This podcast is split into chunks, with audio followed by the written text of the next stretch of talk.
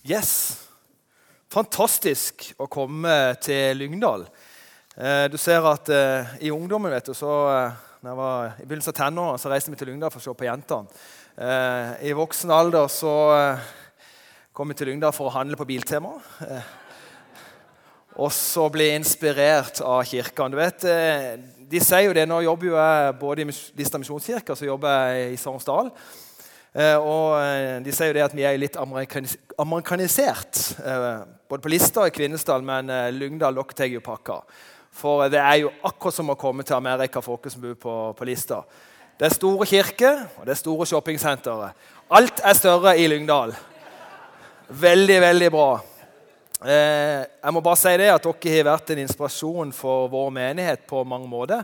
Eh, så vi henger jo litt på i, i Farsund òg. Eh, dere har jo veldig stor kirke, men vi fant ut vi vil ha litt stor kirke, så vi har jo bygga nytt.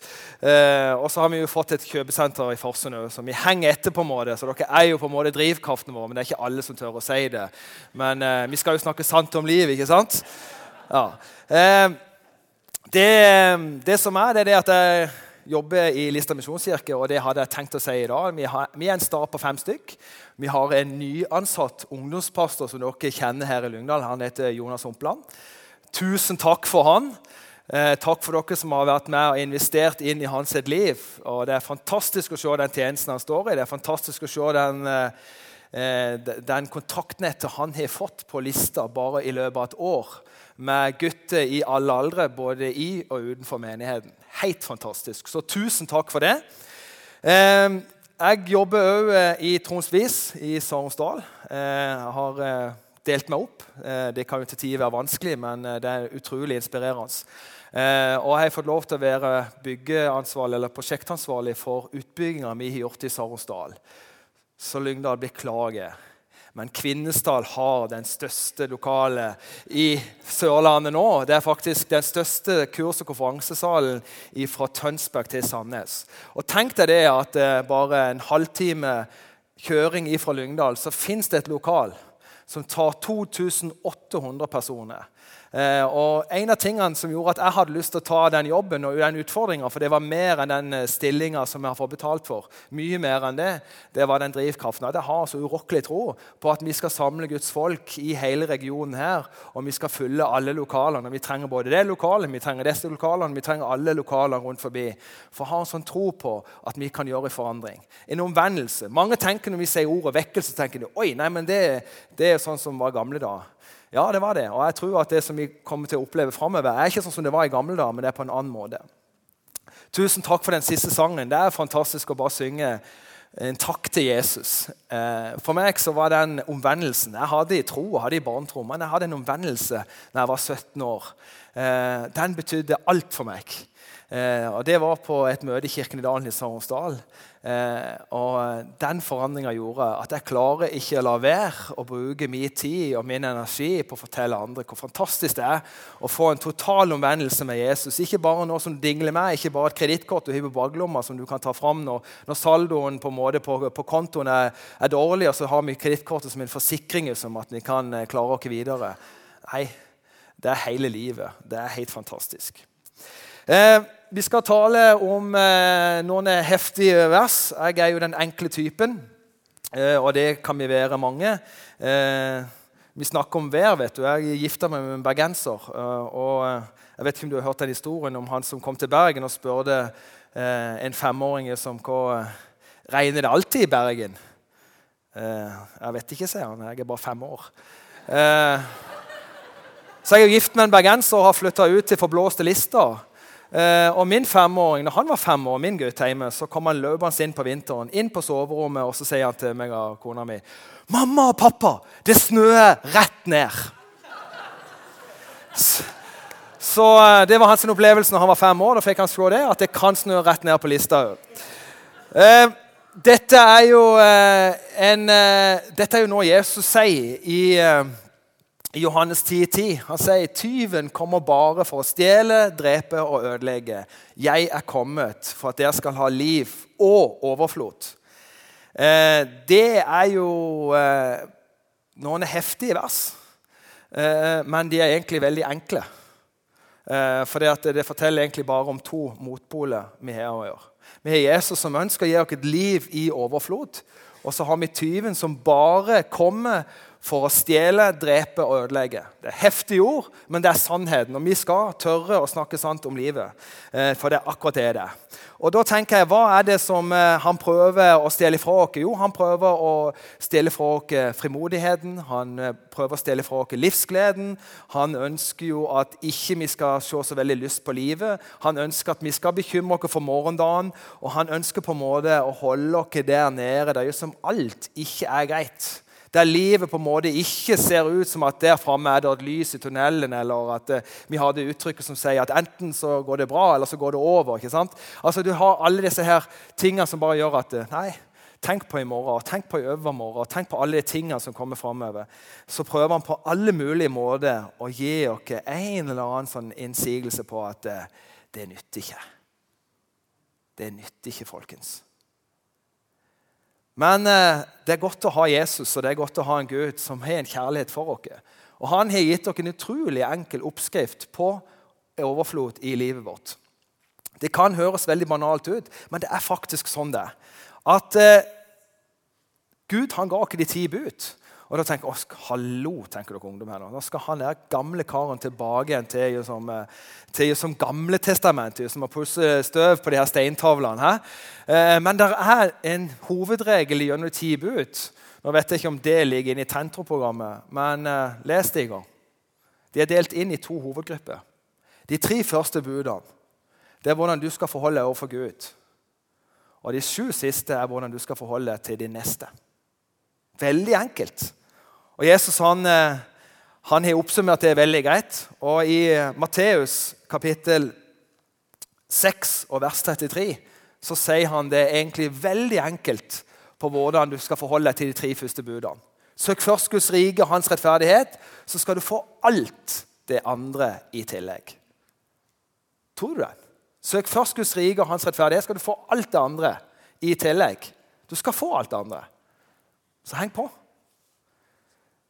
Men da er jo mitt spørsmål at når, når, når Gud sier at vi skal søke Hans rike, hva gjør tyven med oss? For det er alltid lurt. Jeg vet ikke om dere, altså meg og Jimmy har veldig forskjellig interesse. Han, eh, det eneste jeg har funnet ut meg og deg deler, men det er sykkel. altså. Du sykler jo ifra, Jeg kunne gjerne tenke meg å kjøre sykkel med en motorsykkel fra Nordkapp til Lindesnes. Eh, men, men, men, nå har jo du vært på fotballbanen. ikke sant? Og På fotballbanen så er det jo sånn at du alltid på en måte prøver å finne ut hva er det motstanderen tenker. Det er en del av måten å overleve en kamp på. det er å tenke, Hva er det mot, motstanderen tenker? Og det er sånn med livet. Hva er det tyven tenker? Jo, når, når Jesus ønsker at vi skal søke han først, så ønsker jo tyven å gjøre det motsatte. Han ønsker jo å finne alle mulige ting og unnskyldninger for at ikke du skal søke Guds rike. Han ønsker på en måte å gi deg alle muligheter til å tenke at det er noe som er viktigere. Og eh, Jeg vet ikke hvor mange som har studert. Eh, jeg har ikke studert, men uh, er det noen som har studert her? Uh, eller jeg har hatt eksamen, det har jeg jo hatt, for jeg har jo gått på grunnskolen og litt yrkesskole. Til og med et år i Lyngdal, men det hjalp ikke for meg. Så jeg har ikke så mye papirer på skolegang, dessverre. Men Så ikke gjør det, folkens. Det er et dårlig eksempel. Det som er greia, det er det at vi har en eksamen. Mange av dere som har hatt en eksamen? Ja, det var flere. Og så er det jo sånn at eh, Hva er det viktigste du gjør til en eksamen? Jo, det er jo å forberede deg. Det viktigste du gjør til en eksamen, det er å lese. Jeg jobba i Notodden, eh, i, menigheten der, og der var det masse lærerstudenter der. Og det var fascinerende å komme rundt, rundt eksamenstider eh, til disse her studentene. For aldri i løpet av året var hybelen eller leiligheten så strøken Aldri var det vaska så fint opp. Aldri var det rydda så bra som akkurat rett før eksamen. For de gikk på den fella der at de vet innerst inne så vet de det. Jeg skulle ha forberedt meg til den eksamen, men det er jo viktig å vaske leiligheten òg. Og det er jo viktig å rydde litt. Og det er jo viktig å invitere han kompisen der. Det er lenge siden jeg har sett han, det er viktig det. Og så finner vi alle mulige andre unnskyldninger. For tyven hele tida prøver å tenke som Yes! Der fikk jeg han! Hæ? Der klarte han å finne noe som på en måte var viktig. Og så vet vi innerst inne at det aller viktigste det er å bruke den tida med Jesus. Og så prøver han hele veien å stjele den tida ifra oss.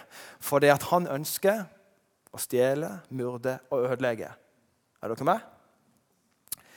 Eh, jeg vet ikke om du har blitt eh, utfordra eller kjent på denne der. Men eh, akkurat denne spørsmålet om frelse Skal vi se, Nå må vi prøve her. Der kommer han. Yes. Eh, akkurat dette her spørsmålet om frelse det er jo en veldig viktig ting. Det var en veldig viktig, viktig ting for meg da jeg var 17 år. Og det kan være en veldig viktig ting for deg. Jeg vet ikke hvor du er i livet, jeg vet ikke hva du har tenkt, jeg vet ikke du, hvor langt du har kommet i din prosess, om, om, du er i tentro, eller om du tenker det er et år jeg skal bruke for å finne ut av det. Eller kanskje du er i tentro ennå. Kanskje du er en voksen person som ikke på en måte har tatt et standpunkt ennå på hva jeg egentlig vil forholde meg til. For det aller viktigste det er jo det jeg snakker om, hans rettferdighet. ikke sant? Søk Guds rike og hans rettferdighet. Og her er rettferdigheten. Det er frelsen. Og det ligger i Romerne 10,9. For hvis du med din munn bekjenner at Jesus er Herre, og hjertet tror at Gud oppreiste ham fra de døde, da skal du bli frelst. Det er så enkelt. Har han prøvd å stjele det enkle fra deg? Har han prøvd å stjele det med å gjøre det så komplisert for deg at du tenker nei, dette får ikke jeg til. Det kan ikke være så enkelt. Jo, det er så enkelt. Det er sannheten. At det er så enkelt. Så Kanskje du har gått og båret på ei tro gjennom mange år. det vet jeg ikke. Men så har du på en måte ikke klart å få den ut, fordi tyven har vært der og stjålet og gitt deg tanke på som at nei da, det er mye mer enn det. Du må gå på gudstjeneste hver søndag. du må gjøre det og det og det. Nei, det begynner så enkelt som det. At hvis du tror i hjertet ditt at han oppreist seg for døde, og du bekjenner det med en munn, så er du blitt frelst. Har du tenkt på det? Har du hatt den utfordringa før det? Har du stått på et møte noen gang og kjenner at hjertet bare pumper, og kanskje det kommer en invitasjon, eller kanskje det er noen som spør hvis du kjenner på dette, her, skal du rekke opp hånda di.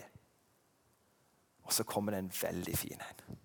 Det kommer en nydelig en. Han tyven han har noen flotte setninger av og til for å prøve å stjele det ifra oss. Kanskje du sitter her akkurat i dag og har den der, eller du har hatt den før. Så spør den som står der framme som Vil du bekjenne dette her? Trenger du dette her? Kanskje du trenger noe omvendelse i ditt liv, og så blir du utfordra på det. Og så kommer tyven, og så sier han Ja, Jim, det trenger du. Det han der framme på den talerstolen sier, det er akkurat det du trenger. Men vet du noe? Ikke gjør det i dag. Du tar det i morgen. Ikke gjør det akkurat i dag, men ta det i morgen. Hæ? Ta det i morgen. Han elsker å bruke det ordet. Det høres jo så fornuftig ut, for han sier som ja, ja. Det er rett det han sier. Men ta det i morgen. Og da har jeg mine gutter vi har et sånt begrep hjemme når det er ting som skal gjøres i huset. så er det sånn, Hvorfor utsette noe til i morgen når du kan gjøre det med en uke til?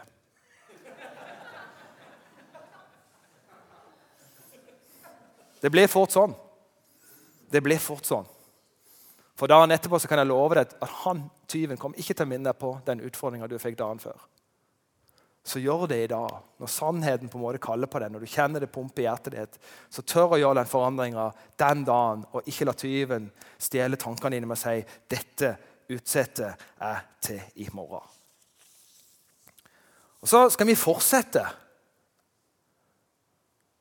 Litt sånn dårlig Der kommer han, ja må bare si det. Tusen takk til Lydbua. Eh, de gjør en fantastisk jobb, og hei på dem. Min gutt han var med i lydgreia hjemme. Det var den ene gudstjenesten jeg ikke var hjemme. Han hadde ansvar for lyd. Og så kom jeg hjem etterpå og sa fikk du noen tilbakemelding. Nei, ingenting. Nei, men da gjorde du en kanonjobb. Stort sett er det sånn at når uh, lydmannen og de tekniske der bak, når alt bare går av seg sjøl, så kikker alle denne veien. Og med en gang det er et eller annet som knoter, så snur vi fokusen så kikker vi på dem. Uh, så klapp de på skuldrene og hei på dem. Tilbake til skamma. Hør her. Her kommer en liten forklaring igjen i vers 10. Med hjertet så tror vi som vi blir rettferdige, og med munnen så bekjenner vi som vi blir frelst. Dere henger med på den? Og så står det her. Skriften sier ingen som tror på ham, skal bli til skamme. Ops. Det har jeg følt mange ganger. Rune. Nå må du ikke si noe, for du kommer de bare til å le av det. Nå kommer de til å på en måte synes at du er en artig skrue. Jeg kan se det, det at den dagen jeg hadde en omvendelse i mitt liv, eh, en lørdag og Så visste jeg at på mandag skulle jeg tilbake på yrkesskolen. Og så begynte tankene med en gang. Kjære beti, de kommer til å le av meg. Og de kommer til å gjøre så narr av meg. Jeg kommer til å bli så gjort til skamme den dagen jeg må stå der. Så rister jeg av meg de tankene. Så tenkte jeg, vet du nå, Den opplevelsen jeg har fått, den omvendelsen som har skjedd i mitt liv, den skal være. Jeg bestemte meg der og da, uavhengig av alle tankekjør, uavhengig av hva tyven på en måte prøvde å stjele fra meg og prøvde å gi meg skam, så bare bestemte jeg meg at den dagen jeg kom på skolen, så er det, det første anledning jeg får til å si det, så skal jeg si jeg ble frelst. Og Jeg grep den første anledninga. Det ble jo som snakk om hva vi hadde gjort i helga. Og eh, Folk spør ja, hvor du her. Jo, jeg har vært i Sorgensdal, Ja, som var jo som gjorde det? Jo, jeg ble frelst. Så ble det helt stille, så kom læreren inn og så spør han, hva er det som skjer. Eh, sier han inn, Rune er blitt frelst. Den dagen der så fikk jeg ikke fred rundt i verkstedet. For det var de tøffeste guttene som kom og spurte meg hva var det som skjedde, og hvordan kjente du det, og så gjorde du det. For det, vi skal ikke bli gjort til skamme. Det kan være en følelse i akkurat det øyeblikket, for det koster. Men innerst inne så får du en enorm respekt hos de andre, at du tør å si det, og at du tør å heise flagget ditt. Vi har andre ting òg. Vi har helbredelse. Hva er det som har skjedd, egentlig? Ofte så hører vi som at nei, jeg kan ikke be for syke, for det, det, det funker ikke. Liksom, folk blir jo ikke friske av det. Jeg har bedt for syke, og de har ikke blitt friske. jeg altså. Men vet du noe? Jeg har jo bedt for syke, og de har blitt friske. Og den gleden det er å se når mennesker blir friske, blir helbreda Når du hører, får telefonen dagen etterpå der de bare forteller liksom, vet du hva som skjedde med meg nå løper jeg rundt her. I går gikk jeg med krykken og løp rundt. Den gleden der den må ikke noen ta ifra oss. Den prøver han hele tida å ta ifra oss. Han har faktisk stjålet den så mye at det er nesten vanskelig å gi den muligheten som vi burde gitt hver eneste gang vi er samla. Så sier er det noen syke blant dere, så skal vi be for dem. For det står i Guds ord at vi skal gjøre det. Det gjør det. Ja, Kanskje du har blitt bedt for at du ikke har blitt frisk, og du kjenner at det er sårt. Ja, jeg hadde en pappa jeg, som levde i 20 år. Jeg. 18 år. Uten å kunne snakke. Var lam i den ene sida. Jeg ba så mange ganger for han, jeg kunne ikke skjønne og begripe. Jeg husker Terje som var pastor i Farsund, sa det. Er det noen jeg har bedt for at virkelig trodde skulle bli frisk, så var det din pappa. Men han ble det ikke. Men vet du noe? Jeg har vært med guttene mine på sykehuset. Jeg fløy helikopter med han ene sønnen min, og han andre var det med full ambulanse inn. Og har kjørt den tredje. Alle tre har jeg kjørt inn til sykehuset. vet du noe? Når jeg var barn, når jeg var 13 år gammel, så kunne de ikke hjelpe meg. Jeg hadde et ekstremt problem i magen min, men de kunne ikke hjelpe meg. Jeg ble sendt ut fra sykehuset med den beskjeden Rune, dette må du leve med. Men det hindrer meg ikke å sende guttene mine til sykehuset. For han hjelper jo, det blir jo hjulpet så mange. Og vi er skal være så takknemlige for vi har sånn et helsevesen i Norge som hjelper så utrolig mange. Så selv om du kjente at nei, men han, jeg ble bedt for, jeg ble ikke frisk, gi opp. For det skjer. Det skjer hele tida. Jeg kan bare love deg det at den dagen jeg fikk lov til å stå som ganske ung i Sudan Og så skulle jeg be for syke, og det var masse syke mennesker der. Jeg tenkte bare, Hva er det som skjer? Jeg kan jo ikke be for syke. Jo, det kan vi alle. Alle vi som tror, skal be for syke. Og jeg skulle som si til de, Første gang jeg var ute på misjonsmark, sa jeg bare alle som har en sykdom, bare legg hånda på hjertet, eller legg hånda der du er syk, og så skal vi be i bønn. Og så hadde vi bedt den bønna. Og så plutselig så ser jeg de begynner å bevege seg rundt det der. Og Det første jeg så, det var jo som var rett ned forbi meg. Jeg glemmer aldri det synet. Jeg så en mor som, som grein og jubla og dansa og, og, var helt i skyene. Og Jeg måtte spørre tolken min hva er det som skjer. Og Han gutten der på elleve år Han gutten der på 11 år, han har aldri sett det hele sitt liv. Men nå ser han. Men nå ser han. Og så likevel, selv om jeg har opplevd alle de tingene, så syns jeg ennå det er vanskelig å si nå skal vi be for syke. Nå skal vi be for syke. Vet du noe? Og enda at sykehuset kunne ikke hjelpe meg med mine magesmerter. Men da jeg kom på bibelskolen, så hadde vi med helbredelse. Da var det en som heter Vidar. Han var fra Tromsø. Han hadde aldri bedt for syke før. Og når han ba for meg, så rørte det seg inn i magen min noe kraftig. Og etterpå det så har jeg ikke hatt et problem med magen min.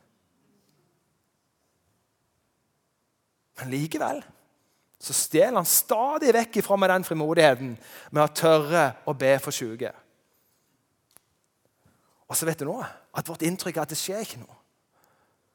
I Saronsdal i sommer så hadde vi et seminar der vi snakka om helbredelse. Så sier Sten Søren så sier han, da vil vi ta, jeg vil ta i håndsopprekning hvor mange er det her som har blitt helbreda gjennom bønn. Wow! Det var mange. Det var utrolig mange som rekte opp hånda. Så det prøver han å stjele fra oss. Han prøver å stjele fra oss bønnelivet vårt. Jeg tok han på alvor på det. Vi hørte en historie om en i Kristiansand der en gruppe med mennesker hadde konsentrert seg om å be en person. så tenkte jeg liksom, ja, Og det skjedde, og jeg tenkte når jeg sa det i salen, at ja, det kan ikke skje her. Jo, så tenkte jeg det skal vi prøve. Så sier jeg til vekstgruppa mi nå skal vi jo be for noen. Er det noen som har noen? Ja, jeg har en nabo, sa hun. Nei, i vekstgruppa. Ja, men Da ber vi for henne. Hver dag klokka ni, tre og ni. Ni, tre, ni hadde vi. En hel sommer. Tekstmeldinger kom vi for de andre i vekstgruppa. Husk å be. Husk å be. Husk å be for den familien. Den høsten så har vi Menighetsviken. Den familien kommer. Og den søndagen, på siste dagen av Menighetsviken, så kommer de fram. Så bøyer de kne. Og så får vi en enorm historie for vekstgruppa når vi kommer neste gang samla. Hun er med. Og Der hun forteller hvordan Gud bare begynte å gjøre noe med hennes liv. Ifra den dagen vi bestemte oss for å begynne å be for henne. Ja, Så det nytter med bønn. Er det noen som har prøvd å stelle deg fra deg det at det ikke nytter? For det nytter. Det funker. Bare prøv det. Bare prøv.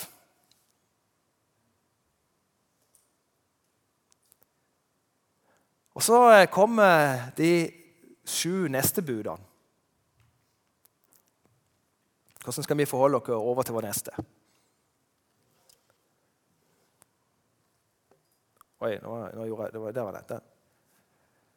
Det andre er dette. Du skal elske det neste som deg sjøl. Og så står den her ikke noe annet bud enn større enn disse. Altså Først skal elske Herren din Gud, skal elske din neste som deg sjøl.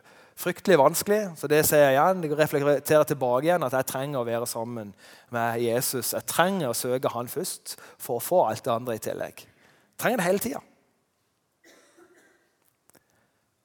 Ok. Vår neste, hva er vår neste? Noen sier jo det at Når søndagsskolen går ut, så sier de at eh, ja, nå går framtida ut. Nei, det er feil. Det er nåtida òg. Dere har fått med dere det? Det er nåtida òg. De er i huset. Hæ? Det er jo ikke framtida bare. Det er nåtida. Det er nåtida, det er framtida. Framtida vår er jo veldig sånn suspekt. på en måte. Hva er det? Liksom? Hva er vår neste? Jo, det er jo vår neste generasjon. Hva tenker dere om miljøvern? Er det sånn at liksom, nei, det er noen eh, litt sånn hippieaktige folk som begynte å mase ned miljøvern? så det er på en måte distansert med fra? Nei, men vi skal jo være vi skal jo være med og gi kloden videre til vår neste generasjon. Elsk din neste som deg selv. Er du med? Ja, men der har vi fått mye motløshet opp gjennom årene. Vi har fått mye som sier sånn Nei, det nytter ingenting. En spesiell historie for meg det var jo eh, på jeg tror det var 90-tallet. Hjelp meg. Men eh, da kom ozonlaget. ikke sant? Det var hull i ozonlaget. Og Vi fikk beskjed om at den skaden som skjedde skjedd på ozonlaget, det er det som vi har forårsaket for 20 år siden. Så ozonlaget kommer til å forsvinne. Men heldigvis var det noen som bare tok tak og sa de som, nei, men dette skal vi gjøre noe med.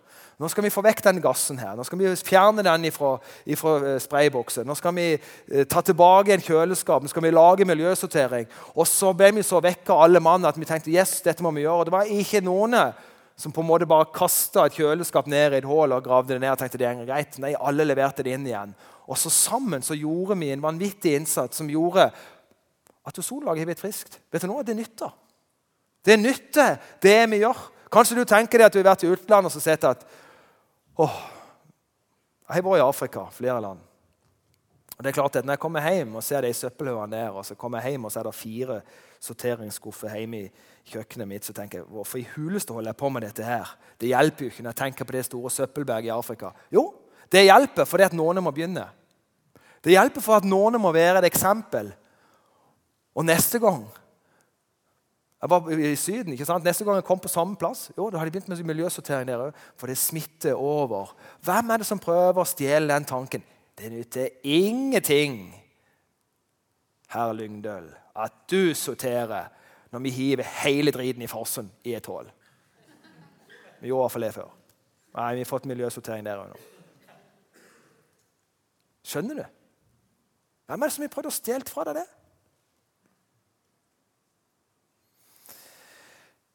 Vi har gjort utrolig mye bra i hjelpearbeid rundt i verden, både inn- og utland. Så er vi fantastisk gode til å hjelpe andre. Vi er det. Vi er utrolig gode til å hjelpe andre. Og Vi har gjort utrolig mange innsamlinger og vi har gjort utrolig mange eh, aksjoner som gjør at eh, dette ser bra ut. Og så vet jeg ikke hvordan det er med deg. Jeg vet ikke hva du får inn hos deg på telefonen din eller på paden din eller lest i avisen, men det ser jo ut egentlig som at verden aldri har gått verre enn nå. Vi ser jo krig, nød, elendighet hele veien. Så tenker jeg som alt det vi har gjort, alt det vi har starta av hjelpeorganisasjonen de siste 50 årene, og så er det så ille. Er det sånn? Er det så ille? Det er en organisasjon som heter Gapminder. Den er blitt stifta av en avdød svensk professor som heter Hans Rosling. Og Han samler statistikk om utviklinga i verden. Nå, kjære konfirmante, beklager jeg snakker så mye. Jeg skjønner dere geisper. Dere begynner å bli trøtte nå. Men følg veldig godt med nå. For nå skal jeg ha en test. Og det er ikke på om dere fulgte med på talen min, men det er litt hvilken oppfattelse vi alle har av verdens situasjon i dag. Er dere med? Ok? Nå skal jeg gi dere noen påstander. Så skal dere svare ja og nei på dem. Hvordan står det egentlig til med verden? Er dere klar? Der kommer han. Her er første påstand. Ekstrem fattigdom er nesten halvert. Er det rett? Er det feil? Vet du noe? Denne undersøkelsen er gjort i Norge. Og 75% svarte nei. Så hvis du svarte nei, så var du blant de 75% du er ikke alene. Men det er feil, for det stemmer. Tenkte du det? At ekstrem fattigdom er nesten halvert? Tenkte du det? 80% av alle ettåringer har fått vaksine. 80% av alle i hele verden, altså. Vi snakker om Asia, Afrika, hele kloden.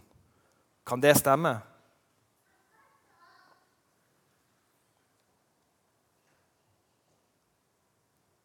Hvis du svarte nei, så var du blant de 86% i Norge som svarte feil.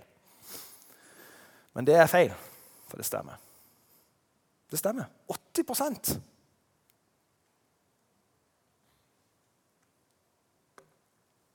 Den her Dødsfall pga. naturkatastrofe har minka til under halvparten på 100 år. Det, hva tenker du om det? Har du gjort deg en mening? Så svarte nei, så var du blant de 83 i den undersøkelsen i Norge som svarte feil. Som også sa nei. Men det stemmer. Dødsfall pga. naturkatastrofe har minka til under halvparten på 100 år. Hadde du tenkt det?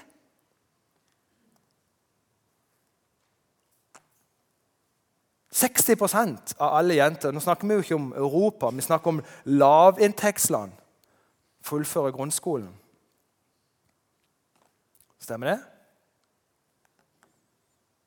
Det var 94% på den undersøkelsen som svarte nei. Og det er feil, for det stemmer.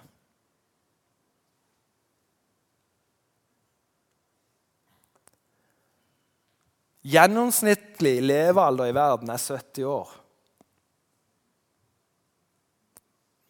Nå tenker dere ungdom, det er gammelt. altså 70 år, det er gammelt. Ja, det er 25 år til så er jeg der. Det går fort. Er gjennomsnittlig levealder i verden 70 år?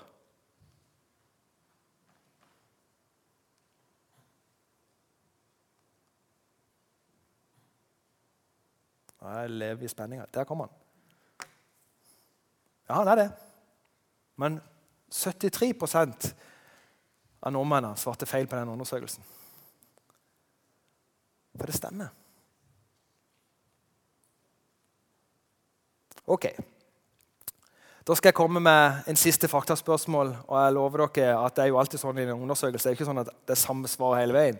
For nå har jo alle de påstandene sagt nå, de har stemt. Så da kommer med en ny påstand. Det er altså da 13 spørsmål som, faktaspørsmål som blir spurt til en stor gruppe med nordmenn. Eh, og de svarte rett på 3,2 av de 13 spørsmålene. Og da er min påstand på faktaspørsmål om verden svarer vi bedre enn apekattene. Hæ? Vi nordmenn må jo svare bedre enn apekattene. For de har nemlig gjort denne undersøkelsen på apekatter òg. Med ja- og nei-spørsmål. De fikk bare tolv, for de er jo tross alt apekatter. De svarte rett på fire av tolv. Med litt sånn kjapp overregning så vil det si at eh, de svarte rett på ca. 33% mens eh, vi nordmenn vi svarte rett på underkant av 4, ja, ca. 24 Hva du ler av? Det er jo vanvittig alvorlig at vi har en sånn oppfattelse av det vi har gjort. Hvem er det som prøver å stjele fra oss? Hvem er det som prøver å stjele fra oss dette her? Trua på framtida. Trua på at det vi har gjort, det nytter. Hvem er det som prøver å stjele fra oss? Det er tyven, folkens. Jeg skal bare lese litt fra den undersøkelsen. Det er sånn en kommentar videre fra Gapman her. Visste du for eksempel, at gjennomsnittlig levealder på jorda er 70 år? Og hør her, Den har økt jevnt og trutt og henger først og fremst sammen med at barnedødeligheten har falt enormt i verden. Og Det skyldes bl.a. ukjent for de fleste, her, som vi så i stad, at 80% av verdens ettåringer blir nå vaksinert mot meslinger. Men det hadde bare 13 av oss nordmenn fått med oss at det nytter. Det nytter når de kommer med innsamlingsbøsser. Det nytter å være med og støtte hjelpearbeid. Og så, her, så er det en konklusjon, og den kan vi få lov til å være åpen. Dermed skjønner vi elementært sammenhengen om verden vi lever i. Når barnedødeligheten faller, velger vi å få færre barn. Befolkningsvesenet er derfor i ferd med å komme under kontroll og økning, i økning i antall mennesker på jorda. Det er deres konklusjon. Det er deres konklusjon. Eh, hva hadde du tenkt? Hvem er det som prøver å stjele ifra oss håpet at det nytter å be? Det nytter å hjelpe andre. Det nytter å, å være med og gjøre forandring i verden. Det nytter med miljøvern. Hvem er det som prøver å stjele ifra oss disse godene her.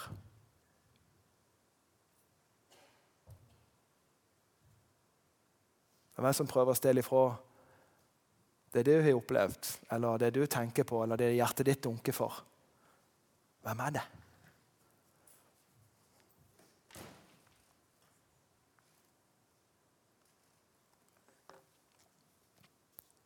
Søk først Guds rike og hans rettferdighet, så skal du få alt det andre i tillegg, folkens.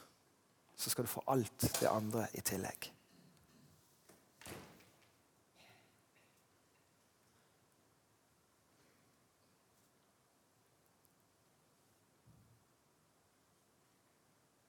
Det viktigste er ikke å gå hjem og vaske opp. eller. Det viktigste er ikke faktisk å hjelpe naboen. Det aller viktigste det begynner her. med søker søke først Guds rike og hans rettferdighet. Så får du med deg noe sånn at du kan være med og gjøre en forskjell. I din familie, i ditt nabolag, på din skole, i din klasse. Det er nytte. Det er nytte å be. Det er nytte å hjelpe. Det er nytte å samle inn penger. Det er nytte neste gang du går forbi noen herlige unge som stender og selger alt mulig rart for oss og får penger inn til Redd Barna. Det er nytte. Hvem er det som prøver hele veien å stjele dine tanker og følge dem av motløshet og så sier nei, det hjelper ikke noe det du gjør. Det er helt uvesentlig, det du holder på med. Søk først Guds rike og hans rettferdighet, så skal du få alt det andre i tillegg. Skal vi ta oss og be.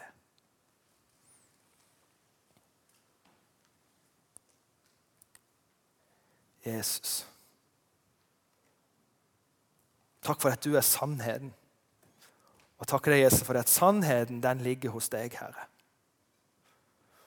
Og Jesus, Jeg ber om at vi må først søke deg. Du ser hvordan vi som mennesker så ofte kan bli fulgt opp av ting vi ser i media, eller nyheter vi får på telefonen vår, eller ting som blir delt i våre sosiale medier. Ja, Jesus, vi vet at det er nød, vi vet det er problemer i denne verden. Men vi vet òg at det nytter, det vi har gjort. Så hjelp oss videre, Herre, til å søke deg, til å få sannheten malt for våre øyne. Sånn at vi kan se den forskjellen som ble gjort av det arbeidet som er lagt ned av våre forfedre, og det som vi legger ned nå, på å være med å forandre verden til en plass det skal være liv og overflod, Herre. Jesus, vi takker deg for himmelen og vi takker deg for framtida som ligger der før oss. Og så ber vi deg, Jesus, hjelp oss til å få en liten bit av himmelen ned på jorda. Ned i vårt nabolag, ned blant våre venner. Ned i hele verden, Jesus. Jesus, hjelp oss til å se på deg, sånn at vi får sett sannheten.